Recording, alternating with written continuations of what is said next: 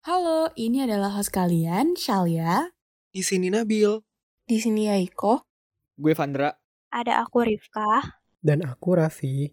Dan kami dari kisah alumni. Jika kalian masih baru di sini, kisah alumni adalah tempat bagi para alumni untuk berbagi kisah dan pengalaman mengenai dunia perkuliahan. Hanya untuk kamu.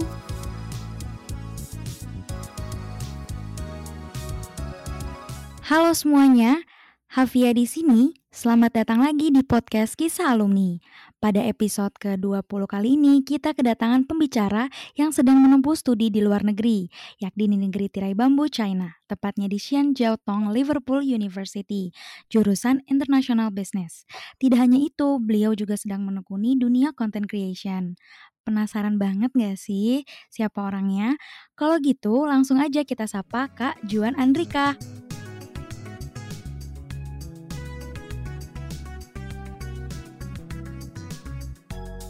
Halo Kak Juan.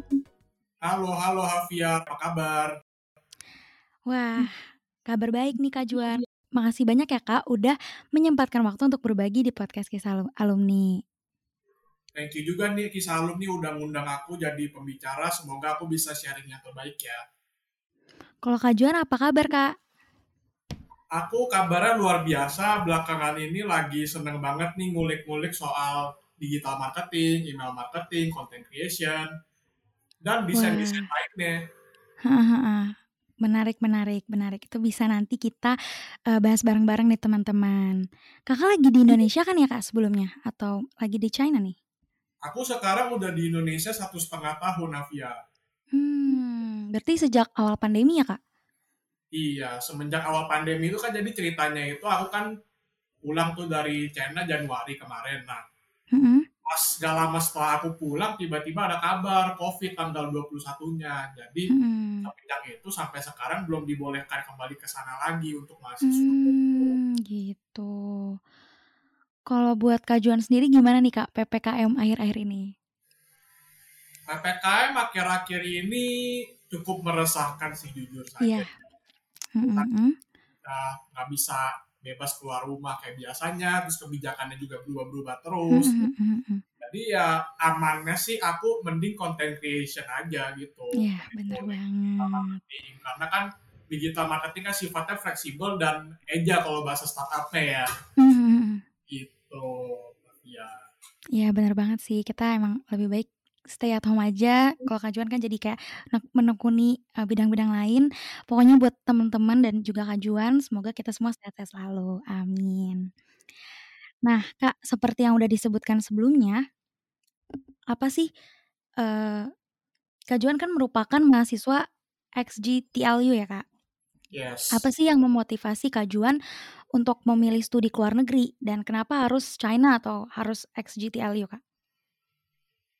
Oke, sebelumnya itu kan sebenarnya aku tadinya itu mau SBMPTN aja di Indonesia di UI atau aku ke ITB gitu kan. Hmm.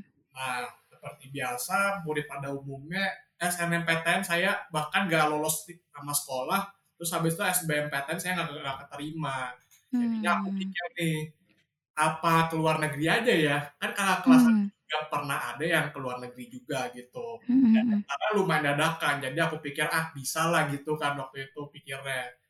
Nama juga masih kecil, belum terlalu merencanakan kehidupan, jadi pikirnya ya udah aku ke Aussie aja tadi pertamanya tuh. Mm-hmm. Nah, itu suatu ketika aku lagi ngobrol bareng ayah aku, dia mm-hmm. bilang udah kamu ke Cina aja Juan, kayaknya mm-hmm. bagus nih buat berbisnis gitu, udah gitu murah mm-hmm. juga.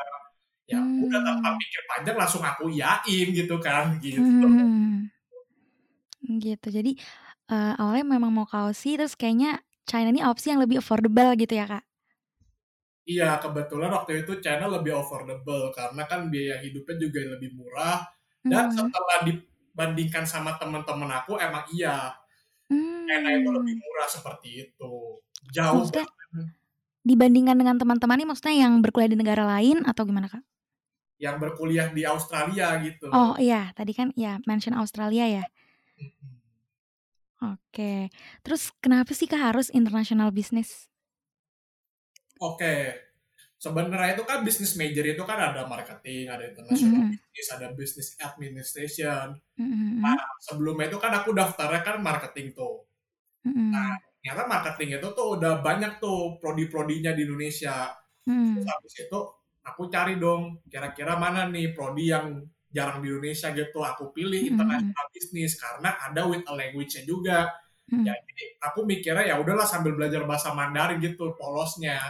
Mm. Tuh, Novia. Tertarik sih, menarik, menarik, menarik. Aku jadi tertarik nih sama gimana sih keseharian Kak Juan sebagai mahasiswa di XGTLU waktu offline dulu atau mungkin online sekarang? Boleh dong Kak diceritain. Oke, aku cerita dari offline dulu ya. Mm-mm. Jadi keseharian saya sih sebagai mahasiswa seperti biasa pasti ada kuliah, terus Mm-mm. pulang, habis itu kadang-kadang juga ngumpul sama teman-teman gitu. Mm-mm. Nah, selama dua tahun pertama itu aku tuh kebanyakan ngumpul sama teman-teman aja nih dan ikut beberapa Hmm. berbagai kegiatan gitu seperti pertemuan anak-anak Indo yang kami partinya, lalu juga ketemu sama teman-teman internasional ngumpul bareng gitu Indonesia dan China gitu kan. Tapi ini Hmm. lebih ke inisiatif teman-teman sih dibandingkan organisasi karena Mm. dua, dua tahun pertama itu masih proses pencarian diri sendiri lah. Mm. Jadinya belum terlalu minat untuk masuk organisasi juga gitu waktu itu. Mm. Dan di situ aku belajar banyak soal kehidupan sih, mulai dari pilih-pilih rumah, pindahan, terus bayar ini itu, ngatur keuangan, dan macam-macam lah pokoknya lah. Pernah juga ngutang, ngutang terus habis itu pernah pernah juga ini kan mau pindahan uangnya dikit gitu. Mm. Jadi ya akhirnya sekeseharian ya cari uang juga gitu dari jual-jualan barang kayak Hmm. gitu. Jadi kayak istilah kerennya mungkin adulting kali ya kak, yang benar-benar ngurus diri sendiri kayak gitu, hidup mandiri. Bahasa kerennya sih gitu ya. Tadi Kak Juan sempat mention di tahun pertama itu eh maksudnya eh, apakah Kak Juan belajar bahasa sekaligus kuliah atau Kak Juan ada belajar bahasa dulu atau gimana tuh Kak? Belajar bahasa Mandarin. Kalau aku sih tahun pertama kebetulan karena sistemnya kuliahnya mirip-mirip di UK ya, jadinya satu Mm-mm. tahun itu tuh sebagai tahun foundation gitu. Hmm. Biasanya itu kan di UK itu kamu kuliah S1 itu kan bisa tiga tahun aja. Mm-mm. Aku tuh empat tahun karena satu tahunnya itu foundation. Kalau ba- kalau Hmm. bahasa kerennya sih bisa belajar bahasa community college itu kalau di US sana, Mm-mm. belajar bahasa kalau di sekolah Mandarin gitu. Hmm, Jadi itu, itu udah termasuk perkuliahannya ya Kak? Kalau di kampus aku iya, kampus aku udah termasuk Hmm. perkuliahannya juga gitu. Oh Udah gitu all gitu. empat tahun gitu kan. Wah, jadi nguntungin juga ya, benar-benar benar. Menarik. Kalau yang online-nya gimana tuh Kak? Kan sekarang lagi online. Kalau online jujur aku lumayan nyantai sih jatuhnya karena Oh kan ya? online kan kamu dapat apa? Iya Kak, maksudnya kenapa, kenapa tuh? Kenapa lebih nyantai? Oke, lebih nyantainya itu tuh karena kan kalau online itu kan kamu nggak butuh masuk kelas tiap hari kan, otomatis waktu nyantainya juga lebih banyak. Hmm, Nah, ya ya. dari situlah aku mulai ngulik-ngulik jualan online, terus digital marketing juga, content creation, fokusnya. Terus juga belajar copywriting gitu kan. Jadi online ini aku sebenarnya bisa dibilang dapat pelajaran lebih banyak di luar sekolah jauh sih. Jadi sekolah hitungannya bisa sebagai formalitas aja untuk sekarang gitu. Kasarnya.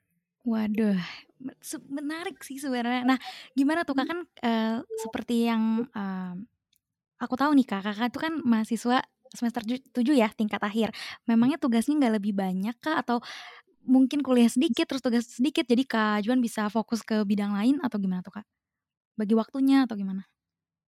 Nah, untuk tahun ketiga kemarin sih jujur aja lumayan nyantai ya. Untuk segi Hmm. pelajarannya tugas juga belum banyak-banyak banget. Terus mata pelajaran juga masih dikit-dikit aja gitu. Hmm. Otomatis ya udah daripada waktu nganggur nggak ngapa-ngapain tidur-tiduran doang ya aku mending ngulik-ngulik aja nih informasi apa yang selama ini aku pengen coba tapi nggak sempet coba pas dulu gitu. Akhirnya dari situ aku jadi belajar juga soal time management, terus self awareness juga jadi lebih kenal diri aku tuh siapa gitu. Lalu juga belajar tips-tips produktivitas yang ada di luar Hmm. Dan masih proses pencarian sih sampai sekarang seperti itu. Wah, Seru banget sih kedengarannya. Jadi kayak selain life skill tapi juga kayak apa sih ke uh, soft skillnya juga dapat gitu ya sekali jalan dan juga kuliah tetap juga jalan. Jadi Kak Joni dapat banyak gitu ya, dapat untung banyak nih dari online ini. Iya, puji Tuhan. Mm -mm, Menarik, menarik. Nah, uh, seru banget balik lagi nih kak kita singgung ke offline ya kak boleh nggak kak diceritain kisah atau pengalaman menarik selama hidup mandiri dan berkuliah di luar negeri seperti yang tadi kakak udah ceritain mungkin uh, kan salah satunya adalah adulting cuman mungkin ada kisah atau pengalaman menarik nggak kak yang berkesan banget buat kak Juan sendiri Oke, ini mungkin pengalamannya bakal beda sama orang-orang kebanyakan ya. Hmm. Kalau orang-orang kan ceritanya, wah aku organisasi ini, wah aku kenalan sama banyak orang luar, wah aku hmm. punya orang luar dan lain sebagainya Nah, kalau aku pribadi, aku lebih ke pengalaman kesehatan mental aku sendiri sih. Hmm, gimana tuh kak? Hmm. Jadi kan tahun pertama itu itu bisa dibilang tahun teringan sekaligus tahun terberat lah. Ke arah tahun terberat juga. Nah, jadi kan hmm. tahun pertama itu kan biasa lah kumpul-kumpul, terus habis itu pelan-pelan teman-teman mulai kayak pisah-pisah-pisah jalur gitu kan, hmm. mulai sendiri-sendiri. Dan satu ketika aku ngalamin nih kok kayaknya sebenarnya tuh aku tuh belum pantas untuk dapat dan tanda kutip freedom ini gitu.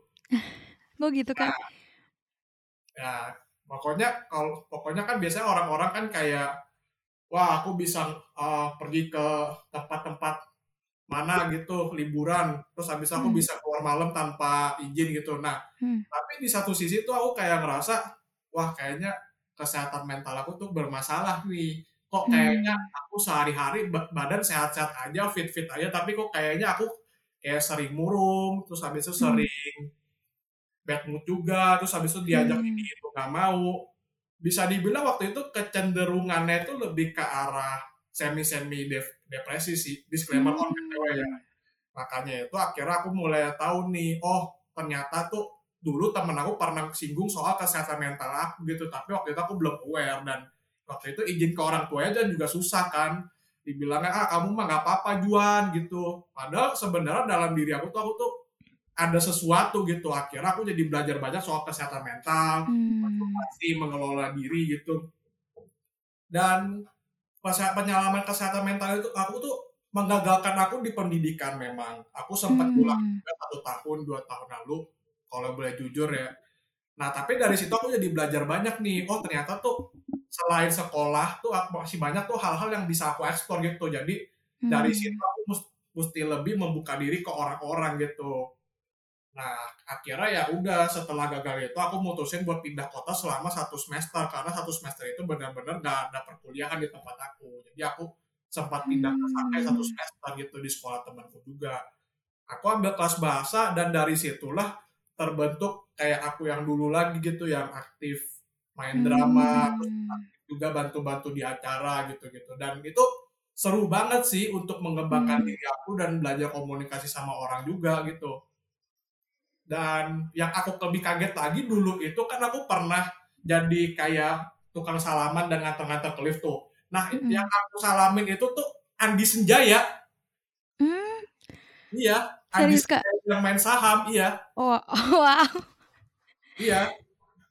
Dan dari situ ya aku jadi ngobrol-ngobrol aja. Nih gimana kabar nih? Wah. Ngobrol-ngobrol biasa aja. Gitu. Oh, yang banget ya kak? Iya, bener banget. Jadi kayak unbelievable story sih. Abis itu aku ya, bener, bener. aku kepanitian sama manajernya Felicia Putri Tiasaka sekarang. Waduh. Itu saya kayaknya wah keren banget nih gue hmm, keren banget bareng gitu dan dari situ tuh kayak nggak nyangka banget dari baik sama orang terus habis itu kerja sama sama banyak pihak akhirnya ya jadi kayak sekarang gitu ternyata aku hmm. pernah ngalamin ketemu orang terkenal ngelayani orang terkenal gitu meskipun hmm. kayak sepele cuma nganterin ke lift doang ya hmm. tapi berharga banget gitu ternyata ya aku layani hmm. orang besar sekarang itu kayak bersyukur banget sih bisa dibilang gitu yang paling berkesan wah Mbak, ih ceritanya menarik dan seru banget jujur karena, eee, banyak yang bisa dijadiin catatan. Yang pertama tadi, eee, kalau buat mungkin aku dan teman-teman itu ya Kak, yang paling tahu diri sendiri ya tetap kita gitu, bukan kayak mungkin tadi, eee, orang tuanya Kak Juan bilang, "Kak Juan baik-baik aja," padahal ya yang ngerasain kan Kak Juan, ya kan ya kan Mhm. Kak? Terus akhirnya Kak Juan berani mengambil keputusan, terus pindah ke pindah daerah dan pindah ke kampusnya temennya Kak Juan dan akhirnya, eee, membuka banyak opportunities dan, mmm, pengalaman itu wah luar biasa banget sih. Keputusannya mungkin sulit, berat, tapi ternyata banyak jalan yang dikasih Tuhan buat Kak Juan. Keren keren. Banyak banget dan Mhm. jalannya itu tuh berbeda sama orang-orang kebanyakan. Iya. Jadi aku bersyukur banget hidupku tuh lumayan seru gitu ternyata kalau Mmm. dikulik-kulik. Ya kayak Kak Juan tuh bikin pintu dan buka pintu dan bikin jalan sendiri buat Kak Juan tuh keren banget sih. Betul. Oke. Nah tadi kan nyinggung-nyinggung juga ya Kak soal kesehatan mental, apalagi tadi Kakak, eee, menemukan atau, eee, masih struggling-nya tuh pas di tahun pertama dan itu jadi, eee, kisah yang menarik banget. Salah satu hal yang harus disiapkan untuk hidup dan studi luar negeri, ya tadi karena juga sudah disinggung ya kan mental ya Kak. Nah walau masih sama-sama di Asia nih Kak, pasti atau apakah Kak Juan pernah merasakan culture shock atau homesick? Eee, misalnya culture shock-nya dari segi lingkungan, politik, atau budaya. Terus kalau homesick, Kak Juan tuh ngapain? Oke, ngomongin soal culture shock masih nya nyambung sama cerita yang tadi ya. Mhm. Jadi aku pertama kali itu culture shock-nya tuh lucu, Kak. Nah, Mhm. pas ke supermarket itu kan aku kayak lagi ngantri tuh, ngantri ngantri ngantri bawa barang banyak, habis itu kan aku langsung taruh aja kan ke kasirnya gitu kan. Mhm. Nah, setelah di-check out, ternyata nggak dimasukin ke plastik, terus aku kaget, "Lah, biasa aku di Indonesia tuh dimasukin ke plastik, kenapa ini didiemin doang, dia langsung iniin orang berikutnya?" Jadi dalam hati, kurang ajar bener nih orang. Terus aku langsung ngomong sama seniorku, "Kok begini?" gitu. "Oh iya, emang culture orang China tuh begitu, mereka tuh eee, lebih ke urusin mereka sendiri punya gitu. Sorry ini bukan yang bermaksud menyinggung ya, tapi Mhm. emang culture-nya tuh begitu gitu. Jadi kita habis eee, check out barang di supermarket ya udah nggak di-check in seperti itu. Nah, habis itu Mmm. Untuk culture shock lainnya sih pertama-tama mungkin orang China tuh nggak se-friendly itu ya ternyata ya, Mmm, untuk jangka gitu, Kak? panjang itu. Ada sih yang friendly, tapi yang nggak friendly juga banyak, Kak. Jadinya kan Mmm. aku kan kayak nyapa-nyapa gitu, habis itu mereka kayak Mhm. lebih ngobrol ke eee, orang-orang mereka sendiri gitu kebanyakan. Tapi ya mereka welcome sih welcome sih welcome, mhm. friendly juga banyak juga, tapi ternyata mereka kan kayak masih ngegup-ngegup sendiri dan belum berani keluar dari zona nyaman selain belajar dan ngobrol sama teman-temannya gitu. Nah, kalau dari segi lingkungan sih, mungkin karena dulu aku sekolahnya banyak anak baiknya, jadi pas nyampe sana kok orang-orang Indonesia banyak juga gitu yang ceritanya gelap-gelap gitu kan. Makanya aku kayak serem sendiri, "Nih gue bisa nggak ya survive ya?" Mmm, Kalau jadi soal homesick Mhm. Kalau soal homesick nih aku kan pernah tuh kayak ngalamin kok ini di sini kayak, eee, berasa kurang gitu, kayak nyambung ke cerita Kak tadi gitu soal kesehatan Mhm. mental, kayak kok ter ternyata saya ke luar negeri bukan yang happy, malah kangen Indo gitu kan, kangen Mmm. makanannya gitu, habis itu pengen pulang, itu juga lumayan sering Mmm. sih, lumayan sering ngalamin gitu, "Ini kapan pulangnya sih kapan pulangnya sih?" Pengen ngebayangin kayak pulang pertama tuh kayak seru gitu, habis berjuang di negara orang, pulang kayaknya, "Wah ini sesuatu yang spesial nih, aku pulang ke. Indonesia melihat Indonesia yang baru gitu, bukan Indonesia Mmm. yang aku tinggal selama belasan tahun," gitu. Karena Mmm. jadi lebih menghargai keluarga sih setelah itu. Iya iya. Eee, paham sih Kak, paham. Ya Mhm. jadi lebih menghargai, terus tadi, eee, Kak Juan juga belajar beradaptasi, jadi tetap ada ya Kak culture shock itu walaupun masih sama-sama Asia gitu. Mhm. Mhm. Nah lanjut nih Kak, pasti teman-teman juga mungkin penasarannya, eee, sama pertanyaan-pertanyaan berikutnya karena tadi Kak Juan mention juga kan Kak Juan nggak cuma kuliah, Kak Juan juga menekuni bidang content creation, digital marketing. Bu eee Kak Juan nih boleh nggak Kak cerita di balik @keluarnegeri_kuy dan juga podcast ngobrol bareng Juan. Kenapa sih Kak harus bikin Instagram dan podcast? Oke, kalau Instagram itu kan awalnya kan aku dari online shop dulu kan latar belakangnya. Mmm, mhm mhm. Jadi dari online shop itu tuh aku kan jualan sepatu, terus habis itu jualan tas juga. Nah, habis itu kan pandemi masuk kan, terus aku pikir Mhm. gini, ini gue harus cari cara beda buat jualan nih biar gue cuan nih gitu. Hmm. Kalau itu udah sempat omsetnya lumayan tapi surprisingly covid jadi tiba-tiba nggak ada penjualan sama sekali bulan itu makanya harus Hmm. pikir keras lah gimana kira-kira caranya. Nah, Hmm. habis itu aku menemukan satu online course, online course-nya Bang Ogut ya. Nah, Hmm. aku kan eh, bimbang nih, ini aku beli atau enggak ya gitu. Kan Hmm, aku hmm. mau beli online course yang lain lagi. Tapi aku pikir kayaknya nih Bang Ogut nih menarik nih personalitinya. Aku juga udah ngikutin Hmm. beliau dari 2018 kan. Hmm, hmm, Jadinya udah tahu nih kira-kira ini pasti eh, mengarahkannya tuh kayak mengetahui diri kita gitu loh. Jadinya kita hmm. jualan sesuai sama diri kita sendiri. Jadi self awareness-nya dapat dulu baru kita Hmm. dagang gitu. Hmm. Mungkin ke sana ini self awareness dulu tuh karena aku kebetulan pri- cukup privilege juga jadi aku punya Hmm. kesempatan untuk itu. Jadi aku gunakan sebaik-baiknya gitu kan. Nah, habis itu Hmm. ternyata aku kulik-kulik content creation tuh seru gitu kayak upload Hmm. konten tiap hari jadi content creator. Terus kenalan sama banyak-banyak orang gitu yang yang sekarang tuh beberapa teman-temanku tuh udah jadi orang besar juga gitu. Hmm. Dan puji Tuhan bisa kenal sama mereka dan ternyata tuh orang besar tuh humble juga gitu. Hmm. Gak sesombong yang aku kira. Dulu kan aku kan kayak mau foto artis takut. Terus sekarang akhirnya bisa foto bareng mereka, bisa ngobrol bareng mereka, punya kontak WA mereka itu tuh kayak puji Tuhan banget gitu kan. Hmm. Nah, terus kalau untuk podcast ngobrol bareng Duan sih awalnya karena emang aku kan demen ngomong kan orangnya, tapi aku Hmm. nggak tahu nih wadah mana untuk mengekspresikan diri sendiri. Akhirnya aku iseng-iseng nyoba bikin podcast. Hmm. Tapi belum se- konsisten Instagram sih, masih dalam tahap percobaan gitu. Hmm, oke oke. Jadi walau Kak Juan eh, dari background bisnis gitu, tapi Kak Juan nih punya self awareness terus kayak concern sama mental health-nya tuh tinggi banget dan akhirnya menekuni eh, bidang content creation yang mana jadi bisa ketemu banyak orang ya Kak, even online dan juga eh, tadi kalau kata Kak Juan eh, podcast itu em, cara Kak Juan mengekspresikan diri, ya nggak Kak? Betul banget. Karena kan dulu selama di sekolah jujur kan aku nggak terlalu bisa eksplor banyak hal kayak sekarang lah ya. Hmm. Karena sekolah itu kan kayak mau nggak mau kamu harus ada teman. Kalau nggak ada teman tuh nggak enak lah Ya, istilahnya. benar-benar. Harus Hmm. menikmati masa-masa SMA juga. Jadi ya udah ngikutin temen ngapain ya aku ikut. Jalan bareng ngikut, keluar kota ngikut. Sampai akhirnya sekarang kayak udah bukan waktunya nih ngikut-ngikut harus milih jalan Hmm. sendiri gitu. Karena mereka udah pada sibuk kerja, sibuk berbisnis juga gitu. Hmm, gitu. Menarik menarik menarik. Jadi kayak sekarang tuh bener-bener Kak Juan tuh kayak bener-bener ngekspresiin dan eh, memaksimalkan potensi-potensi Kak Juan gak sih Kak? Mm-mm, Mm-mm. betul. Menarik. Nah, karena kita tadi Kak Juan udah mention, kira-kira nih Kak Juan, buat Kak Juan yang eh, sekarang juga lagi running banyak hal, skill apa sih yang harus dipunya teman-teman gitu ya? Mungkin teman-teman ada yang masih sekolah, ada yang lagi kuliah juga. Jika pengen eh, seperti Kak Juan berkuliah atau sekolah tadi ya, sembari menekuni eh, bidang lain gitu di luar sekolah. Oke, skill yang harus teman-teman punya sih sebenarnya simpel aja ya. Sebelum kamu belajar skill-skill lainnya, alangkah baiknya kamu pedein diri kamu dulu.